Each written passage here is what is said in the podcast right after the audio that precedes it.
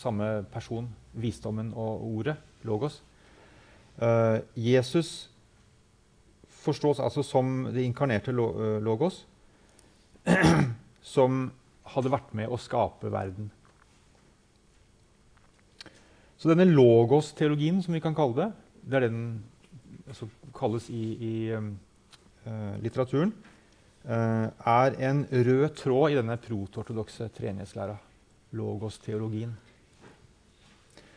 Og vi, det er, en, det er en, en, en, serie kan vi si, med, med logos-teologer opp igjennom. Nytestamentet. Uh, og, og ja, jeg, jeg, har en liten liste med sånne i, i den mer fullstendige powerpointen. Har dere sett dette bildet? Ikonet? Ja, noen? Det er vel det mest kjente bildet av Jesus. Veldig gammelt bilde. Eh, fra 500-tallet, tror man. um, og et av de få bildene som er så gamle, fordi som sagt var det en bildestrid på 700-tallet, 600-700-tallet um, i uh, det bysantinske riket. Og i den striden så ødela man veldig altså, Mens keiseren i Konstantinopel var eh, billedstormer, så ødela de veldig mange bilder. Så her er et av de som overlevde den ødeleggelsen. Eh, dette er et tema som heter Kristus pantokrator, eller allhersker. Eh, og det er vel tydelig at dette er, en, dette er et bilde som uttrykker nettopp logos-teologien, altså Jesus som, som guddommelig også. Eh, noen tolker det slik at eh, ansiktet hans, de to halvdelene, eh, uttrykker hver sin natur. Den guddommelige og den menneskelige naturen. For dere ser at det er en ganske markant forskjell på de to halvdelene. faktisk. Eh, hvis dere går på Wikipedia, den engelske Wikipediaen på eh, pant, eh, ja, det er vel Christ Pantokrate, så vil dere se et, et bilde hvor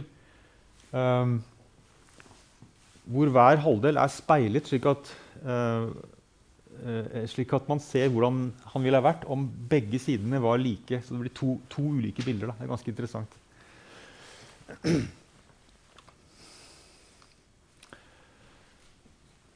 Men det er jo et spørsmål, og, og, og, kritikken mot kristendommen fra jødedom og islam er jo at den ikke lenger er monoteistisk, men polyteistisk. Altså man får flere guder. ikke sant? Hvis man definerer Jesus som guddommelig, uh, altså det inkarnerte uh, logos eller visdommen, er det da mulig å fastholde monoteismen? Det, det er et, uh, et, viktig spørsmål. Og et, altså et, sentralt spørsmål i alle kristenmuslimske debatter og diskusjoner opp igjennom. Det har jo vært mange sånne gjennom tidene, fra de første tidene. Uh, som man kjenner litt til fordi de har blitt nedskrevet. Og, og kristenjødiske debatter uh, ja, Er kristendommen monoteistisk? Den hevder å være det. Um, men det er jo Men når Jesus er guddommelig, og, og, og, Den hellige ånd er uh, Guds ånd,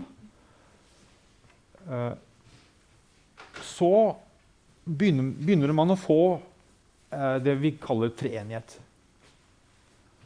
Eh, og hvis Gud er treenig, er det da fortsatt monotisme? Det er spørsmålet. Um, treenigheten, ordet treenighet, står ikke i Bibelen. Det har dere kanskje uh, sett at det ikke gjør. Men um, Ordet, altså ordet står der ikke, og heller, det er ingen lære om treenigheten i Det nye testamentet. Det står ikke noe sted uh, Gud må forstås som Faderen, Sønnen og Hellig Ånd. Det finner man ikke. Det er ingen, ingen, uh, ingen lære, men det er formuleringer som, måte, som man i hvert fall i ettertid kan lese som trinitariske, som uttrykk for treenigheten. F.eks. Uh, den uh, såkalte misjonsbefalingen eh, Gå derfor ut og gjør alle folkeslag til disipler idet dere døper dem til Faderens og Sønnens og Den hellige ånds navn. Der er alle tre personene i treenigheten eh, nevnt. Og det, det, ser ut som det er et uttrykk for en, en slags treenighetsidé. Men selve ordet, da, termen treenighet, oppstår mot slutten av det andre århundret først. I hvert fall så har Vi vi har ikke noen eldre dokument, uh, har ikke noen eldre tekster som, som forteller at, uh, om termen. Men vi finner den da på gresk og latinsk. Uh, på gresk blir det trias. Og det er et ord som egentlig bare forteller om tre og ikke én. Trias. Men det latinske, som vi finner hos teologen Tertulian, kirkefaderen Tertulian, er, er en term, trinitas, som uttrykker både én og tre. Eh, tri, også uni er det det egentlig kommer av. da. Tri, eh, tri og uni. Um, ja, så eh, Teologien vokser fram altså, etter hvert som man eh, forstår Jesus som, eh, som guddommelig. Ja, Da har vi sett på den protoortodokse treenighetsforståelsen. Eh, eller begynt å se på den, for det er, det er mye mer. Eh, men aller først, i første time så nevnte jeg også at det fantes andre syn på det. ikke sant? Og det synet at Jesus bare er et menneske, skal vi se kort på nå. Det kalles gjerne adopsjonisme. Eh, altså at Jesus blir adoptert så å si, av Gud som Guds sønn. og det, dette synet det betyr at Jesus ikke, uh, ikke var guddommelig, forstått som guddommelig fra fødselen. Altså han, var, han var ikke visdommen, Guds visdom som ble inkarnert, som ble et menneske. Men han var et helt vanlig menneske som i en eller annen hendelse, og det er flere muligheter, ble ja, opphøyd eller ble uh, Fikk en endret status, så å si. Uh, og ble Guds sønn, hvilket betydde noe, noe, spesielt. da. Og Det vanligste er at det var i dåpen, eh, da Jesus ble døpt av Johannes, at dette skjedde. Um, altså at Jesus ble Guds sønn ved at Den hellige ånd, den Guds hellige ånd kom liksom inn i ham. Uh, og det står jo da uh, i den forbindelse at det lød en røst fra himmelen. Du er min sønn, den elskede. I deg har jeg min glede. Um, altså uh, dåp, Jesus ble døpt, og det er en røst som da skal forstås som Gud, som sier at du er min sønn. Og så ser man jo at Den hellige ånd kommer som en due. Så der har vi i den eh, fortellingen der så, så uh, har man de tre personene. Gud, uh, Ånden som en due og Jesus som blir døpt. Og adopsjonistene, de som ikke trodde at Jesus var guddommelig, de forstår det slik at i det øyeblikket så blir Jesus ja, Gud tar ham til seg som sin sønn, så å si. Eller at det skjedde i oppstandelsen, da Jesus eh, etter sigende eh, sto opp fra de døde, eller i himmelfarten, da han for opp til himmelen. Vi nevner én person som sto for dette synet. Eh, Paulus av Samosata, en biskop eh, av en viktig by, nemlig Antiokia. En av de aller viktigste eldre kristne byene. På 200-tallet, som dere ser avsatt fordi han ble forstått som en, uh, som en kjetter, eller altså en, en heretiker. Uh, han mente at Jesus er Kristus, altså den salvede. Jesus er salvet Kristus bare etter sin dåp. Eller fra og med dåpen, ikke fra fødselen. Uh, fordi i dåpen så tok logos, Guds ord eller Guds visdom, Først da kom inn Jesus. Ikke ved fødselen, men først da, mente han. Så denne enheten mellom Jesus og Logos var ikke vi kan si ontologisk, men spirituell, men åndelig. Eh, Jesus var, en, var åndelig sett en, en Kristus. En annen eh, teolog som står for en ganske lik eh, teologi, og eh, er Arius. Og med Arius nærmer vi oss Nikea. For Arius eh, og hele den striden omkring ham, som kalles ariansk strid, eh, var tema på dette berømte kirkemøtet i Nikea i 325, med den trosbekjennelsen som vi så på først. Han uh, Arius, han var prest. Uh, han var i, i, en av de andre store byene, nemlig Alexandria. han var jobbet i den teologiske skolen i Alexandria, så det, han, var liksom, han var i det sentrale kirkelige miljøet der. Men det oppsto en strid mellom ham og biskopen hans om nettopp forståelsen av Jesus, og han ble ekskludert av, eh, fra, fra, kirka av et, konsil, et, et, sånt kirkemøte som avsatte ham. da. Hva mente så Arius? Jo, eh, han understrekte Guds eh, transcendens, altså oversanselighet. Eh, Guds uh, annerledeshet. Gud er én og alene. Bare Gud er ufødt, evig, udødelig, god, vis osv. Uh, og ikke, uh, ikke noen andre.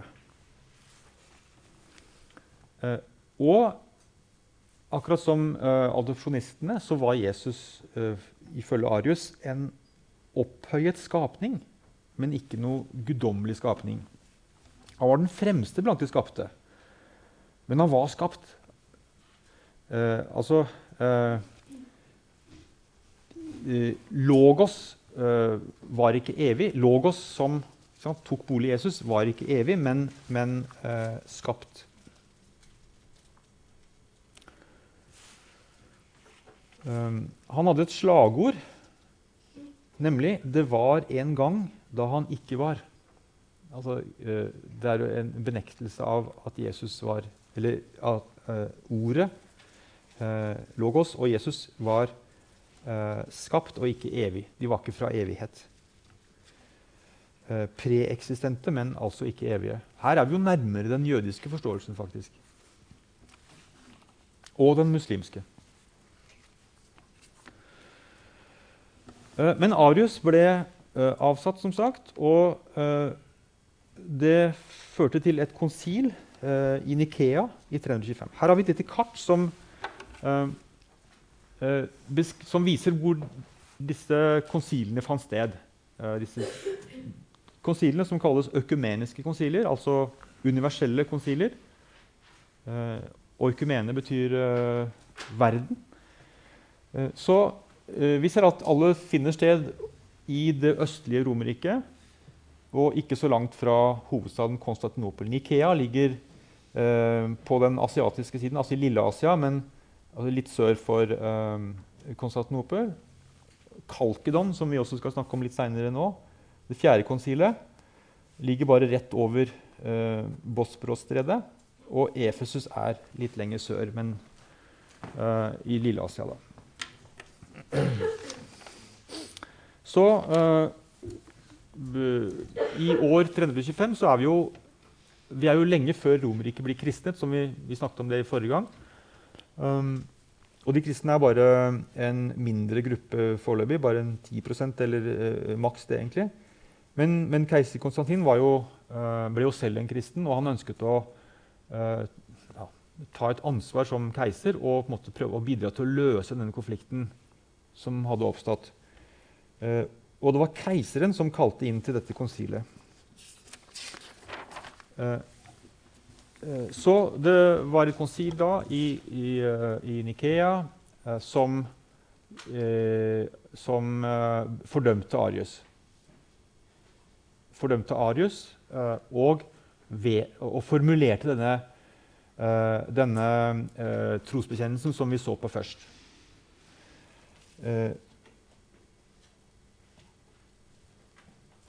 Da skulle man jo tro at, at måtte, problemet var løst, men det var det ikke. For det var et eh, langt og veldig komplisert etterspill av, eh, av dette konsilet. Uh, det bølget fram og tilbake. Det var jo, kom en reaksjon kan vi si, mot, uh, mot konsilet. Uh, og, og, det var folk som enten var rett og slett arianere fortsatt, eller som sto for en mellomposisjon. Noen var nikenere og holdt fast på konsilet. og her har jeg en morsom oversikt over Dette er komplisert, altså. Jeg husker jeg tok det, det, faget her, emnet, for mange mange år siden. Da, på 80-tallet. omtrent som dere tar nå. Altså, og, og, og, det var og da jeg, da jeg, skulle prøve å forstå dette, her, så var det altså helt Det gikk nesten i krøll. Så um, ja. Hermed er dere advart. Men dette er for å prøve å gjøre det litt oversiktlig. Klart det er mange termer og vanskelige ord her. Uh, ok, La oss bare kaste oss i det og, og se hva som uh, står. Um, her har vi da et viktig begrep. Homo osios. Uh, det um, Husker dere osia var et, en gresk term for, for natur? Ja, osia. Så homo osia eh, Homo betyr jo samme. Eh, homo osia betyr samme vesen. Og Det var en term som ble brukt nettopp på bekjennelsen, trosbekjennelsen i Nikea i 325. Definerte altså at Jesus er homo osios med, fader, med Gud. Av samme vesen som Gud. Nemlig guddommelig vesen. da, ikke sant? Eh, så dette var, eh, dette var homosianerne som sto for Nikeas posisjon. Ok, Så var det en reaksjon på, det, på Nikea etterpå. de kalte seg homoianerne. Og de brukte altså termen homoi. Hom, homoi er ikke det samme som homo. Homo er, er samme, altså identisk. Men homoi betyr lik. lik. Altså en mye rundere term. Liknende. Så de ønsket ikke å bruke termen osia, for den fins ikke i Bibelen. sa de. Så vi, vi, må ikke bruke i trosbekjennelsen en term som ikke står i, i, i, i Skriften. Greit nok, men uh, ja, Så de unngikk hele uh, Osia-termen og sa bare jo, sønnen er lik Faderen. Vi sier ikke mer. Så det var en uh, mainstream arianere kan vi si, som uh, fikk en del støtte. Det var f.eks. en keiser, rett og slett. Konstantinus 2., som, sønnen til Konstantin den store Konstantinus han, sto, han, forsvarte denne posisjonen. Og da uh, forskjellige germanske folk, folkeslag ble kristnet, gotiske folk, så var det denne typen kristendom som, uh, som de mottok. Så flere av disse germanske folkeslagene Visigotene og, disse ostrogotene og disse her som vi, som vi leser om, de var av denne typen, faktisk. Uh, den tredje gruppa er et kompromiss da, mellom de to første. En slags mellomposisjon mellom Nikea og, og disse homoianerne. Og de kalles homoi-oseanere. Det er en yota-forskjell. Homosianere og homoi-oseanere. Uh, de uh, velger å fortsette å bruke osia, den termen osia for vesen eller natur, uh, men sier altså homoi og ikke homo osianere altså blir litt, mindre, litt lavere status til Jesus enn virkelig eh, eh, uh, uh, eh, vesens-én med Faderen. Consubstantial på engelsk for øvrig. Ja?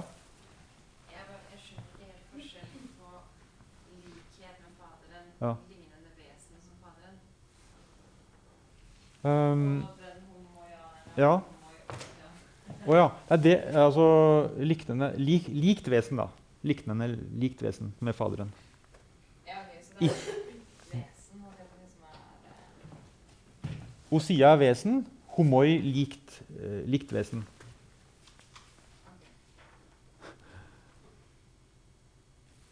Uh, homo er jo identisk samme vesen. Ja, det er greit, men den andre du sendte, tenker jeg på. Ja.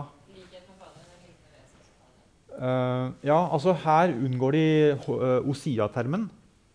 Bruker ikke termen for natur eller vesen, Nei, ok, nei. eh, men sier bare lik. Her er det lik, men altså likt vesen.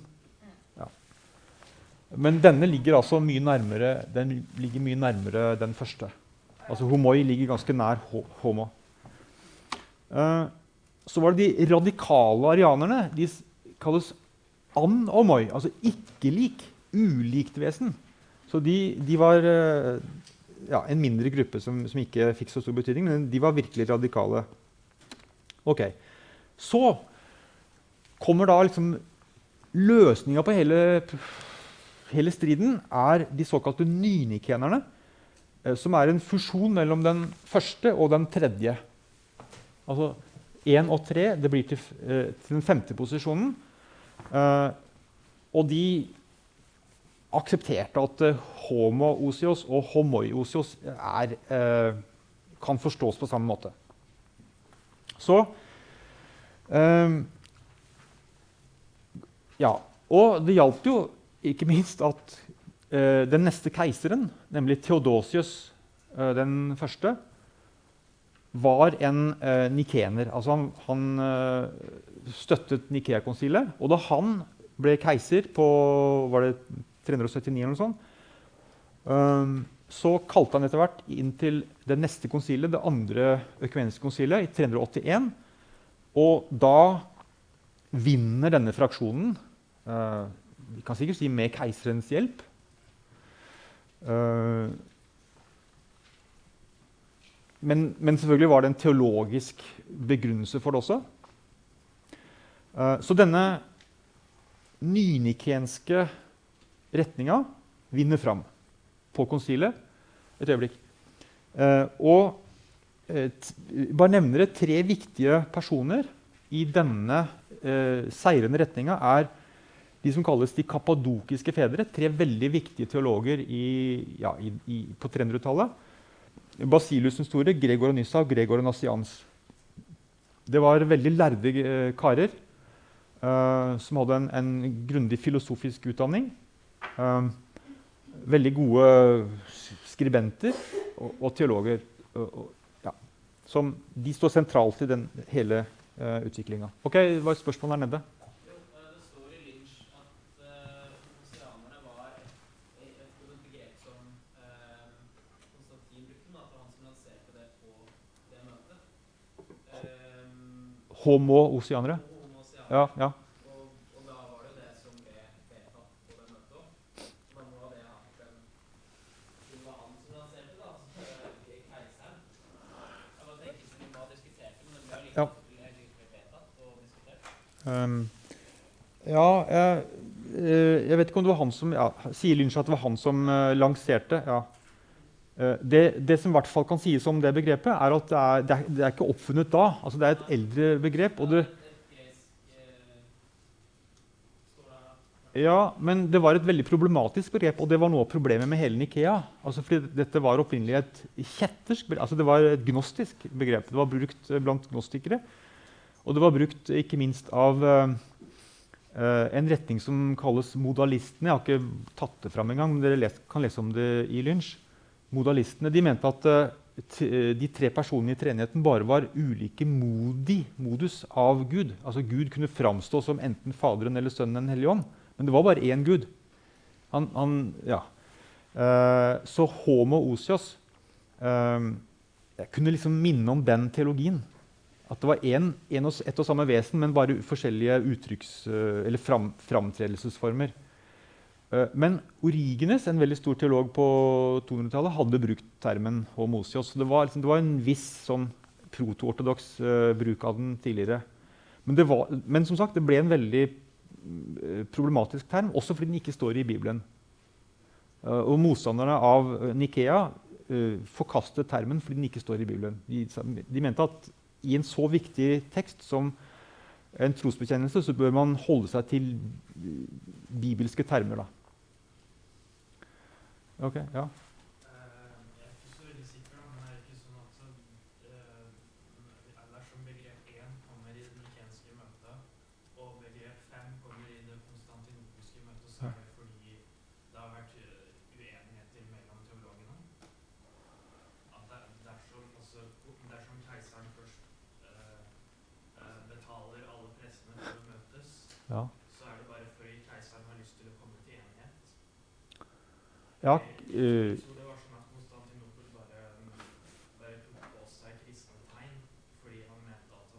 Kristus. uh, Konstantin den store. Eh, Ja. ja. Ja. Konstantin den store, ja, han Det er forskjellige teorier om hvorfor han, hvorfor han ble kristen. Det er det. Forskjellige framstillinger av det. Han var nok en overbevist kristen. det tror jeg. Og så ønsket jo han å ha samhold og, og, og fred i riket sitt. Og, eh, og ønsket å bidra til å løse konflikter. Men altså, eh, Nikea og Konstantinopel, som du nevnte av de to konsilene, én og fem, altså, det er jo i bunn og grunn det samme. Altså, Konstantinopel eh, eh, bekreftet den nikenske trosbekjennelsen og utvidet den med, med noen uh, ting. Altså den, uh, F.eks. det som står om Den hellige ånd, eh, ble lagt til i 381. Eh, det sto ikke noe mer i 325 enn bare å, og 'jeg tror på Den hellige ånd'. Som den apostoliske trosbekjennelsen. Eh, så eh, når vi nå snakker om den nikenske trosbekjennelsen, så er det egentlig den versjonen av den som kommer fra 381 og ikke 325. Så den kalles eh, også med et veldig langt ord, som er altså den nikensk-konstantinopolitanske trosbekjennelsen. Men det er veldig langt, så man sier gjerne den, bare den nikenske.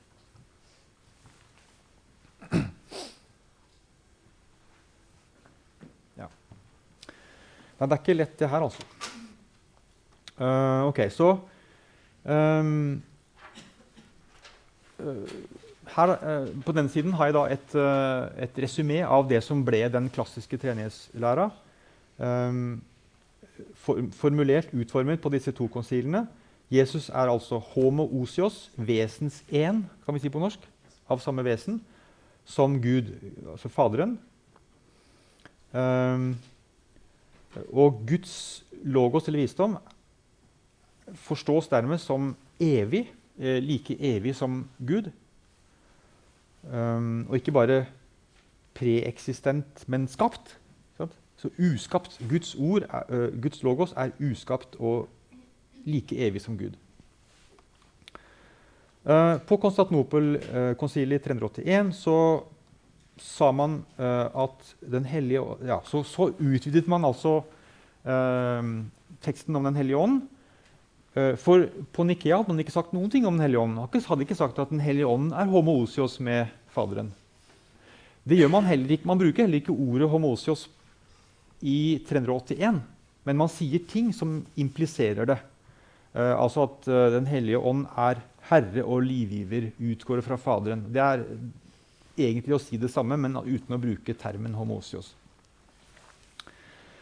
Ok. Uh, så eh, Den klassiske treningslæra er da, og dette er veldig viktig Det er Gud som er Faderen. Monarken vi, er, er, et ord som, er, eh, som brukes. Gud er fortsatt Faderen. Men de to agentene eller hjelperne eller uh, hendene Det er forskjellige metaforer som er blitt brukt av, av ulike teologer til Gud. Guds uh, agenter, så å si, er blitt hypostasert, er blitt, altså, forstås som egne ja, personer. Eh, som er av samme vesen som Gud.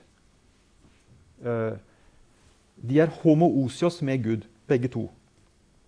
Sønnen og Ånden. Ja, så Det, det er liksom den, den klassiske treenighetslæra. Eh, Gud er fortsatt Faderen, men det er to andre personer da, som etter hvert forstås, altså gjennom en del eh, kontroverser og, og, og teologisk utvikling, forstås som eh, jo forskjellige fra Faderen på, på ett plan, men på et annet plan av samme guddommelige vesen eller natur som Faderen. Så den modellen der må dere merke dere, den er, den er, den er viktig. Så da, da, har vi egentlig kommet uh, til uh, veis ende med den ja, Vi har nesten gått hele to timer òg. Men um, denne treenighetslæra Jeg har brukt mye tid på det, for jeg, jeg, tenker at det er veldig viktig. Også fordi uh, kristendommen i vår tid er i dialog med både jøder og uh, muslimer fortsatt. Så, og treenighetsproblemet, treenighetsspørsmålet, er jo et helt sentralt spørsmål i, denne, i disse diskusjonene, disse dialogene. Uh, ja, det er ikke så viktig. Uh, da har vi noen få minutter bare til å se videre nå på noen nye spørsmål som dukket opp om personen Jesus. Fordi når Jesus er blitt definert som det inkarnerte, evige logos, så, så, så oppstår det nye spørsmål. Hvordan i all verden kan et menneske være både et menneske og guddommelig? Altså både guddommelig og menneskelig. Hvordan skal man forstå den personen? Er det mulig? Uh, hva, hva, i Jesus er guddommelig, hva er, i ham er menneskelig? Det, det, er, det, er, ikke noen enkel løsning man valgte, egentlig. Og det første, som, uh, første spørsmålet som reiser seg, er hvilken person som Maria fødte. Hvis Jesus er guddommelig, fødte Maria Gud, da, rett og slett? Eller fødte hun bare et menneske? Eller fødte hun bare det menneskelige i Jesus og ikke guddommelige? Her er det ulike posisjoner. Um, så vi skal kort se på to, de to neste konsilene etter Konstantinopel, nemlig Efesus i, 381, nei, i 431 og Kalkedon i 451. Eh, det første eh, av disse to, altså Efesos i 431, handlet om, eh, konkret om begrepet theotokos, gudføderske. Hun som føder Gud, betyr det på gresk. Det var en term som ble brukt fra 200-tallet i hvert fall, blant kristne. Og Eh, logikken i den termen er jo at den personen som, det barnet som Maria fødte, eh, var Jo, det var jo et menneske, men det var også det inkarnerte logos, faktisk. da. Eh, og siden det, dette eh, inkarnerte logos er homoosios med Gud og guddommelig, så var det jo på en måte Gud eh, hun fødte. Det var jo ikke Faderen hun fødte. så her må vi skille mellom ulike plan i treenigheten. Og ikke, den, ikke hypostasen Faderen, altså personen Faderen, men, men den guddommelige natur som da var i, eh, i Logos. Eh, så hun ble kalt Theotokos. Eh, i, i, fromheten, i, i, hymner og i liturgi, f.eks. Uh, Ja. Uh, så det uh, Men ja, Jeg går litt fort her nå. her er den kirka rekonstruert i Efesos som, hvor, hvor konsilet fant sted. Det er bare noen rester igjen som, av den nå, ser vi. Um, det var to eh, to kirkeledere egentlig, som var i, i fokus i sentrum på det konsilet. den ene var Nestorios, uh, rett og slett erkebiskopen av Konstantinopel. Det var jo ingen hvem som helst dette. Han var kirkeleder i keiserhovedstaden. Og han, uh, han var en munk egentlig fra, fra Syria. Eh, men han ble valgt til erkebiskop. Han ville ikke ha eh, noe av termen Theotokos eller gudføderske. Han likte ikke den, mente at det var feil teologi. For som han sa, Gud har jo ingen begynnelse. Gud kan jo ikke fødes. Det er helt umulig. Uh, Gud kan ikke ha noen mor. Uh, så det han ville akseptere, var å si at jo, Maria hun var mor til mennesket Jesus, men ikke til logos. Ikke til det evige, preeksistente logos. Så han ville bytte ut Theotokos med enten anthropotokos, menneskefødersken, eller Kristotokos, Kristusfødersken. Det, det kunne han gå med på, men ikke gudfødersken. Eh, Den andre var Kyrill, eller Kirillos, erkebiskop av eh, Alexandria. Han forsvarte termen gudføderske, Theotokos. Eh, Og hans begrunnelse var eh, vi kan si det personlige aspektet i Jesus. Jesus var én person, tross alt. Det var en enhet i personen. Og enheten i personen forbandt, kan vi si, forente de to delene så sterkt at uh, det barnet som fødtes, var uh, guddommelig, eh, altså av guddommelig ve vesen, natur, og dermed kunne sies å være Gud.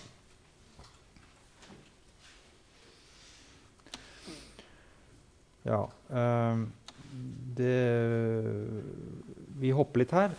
Dere har jo powerpointen etterpå, så dere kan se på alle sidene der. Eh, enden på dette konsiliet var at eh, termen Theotokos ble forsvart, ble, ble akseptert.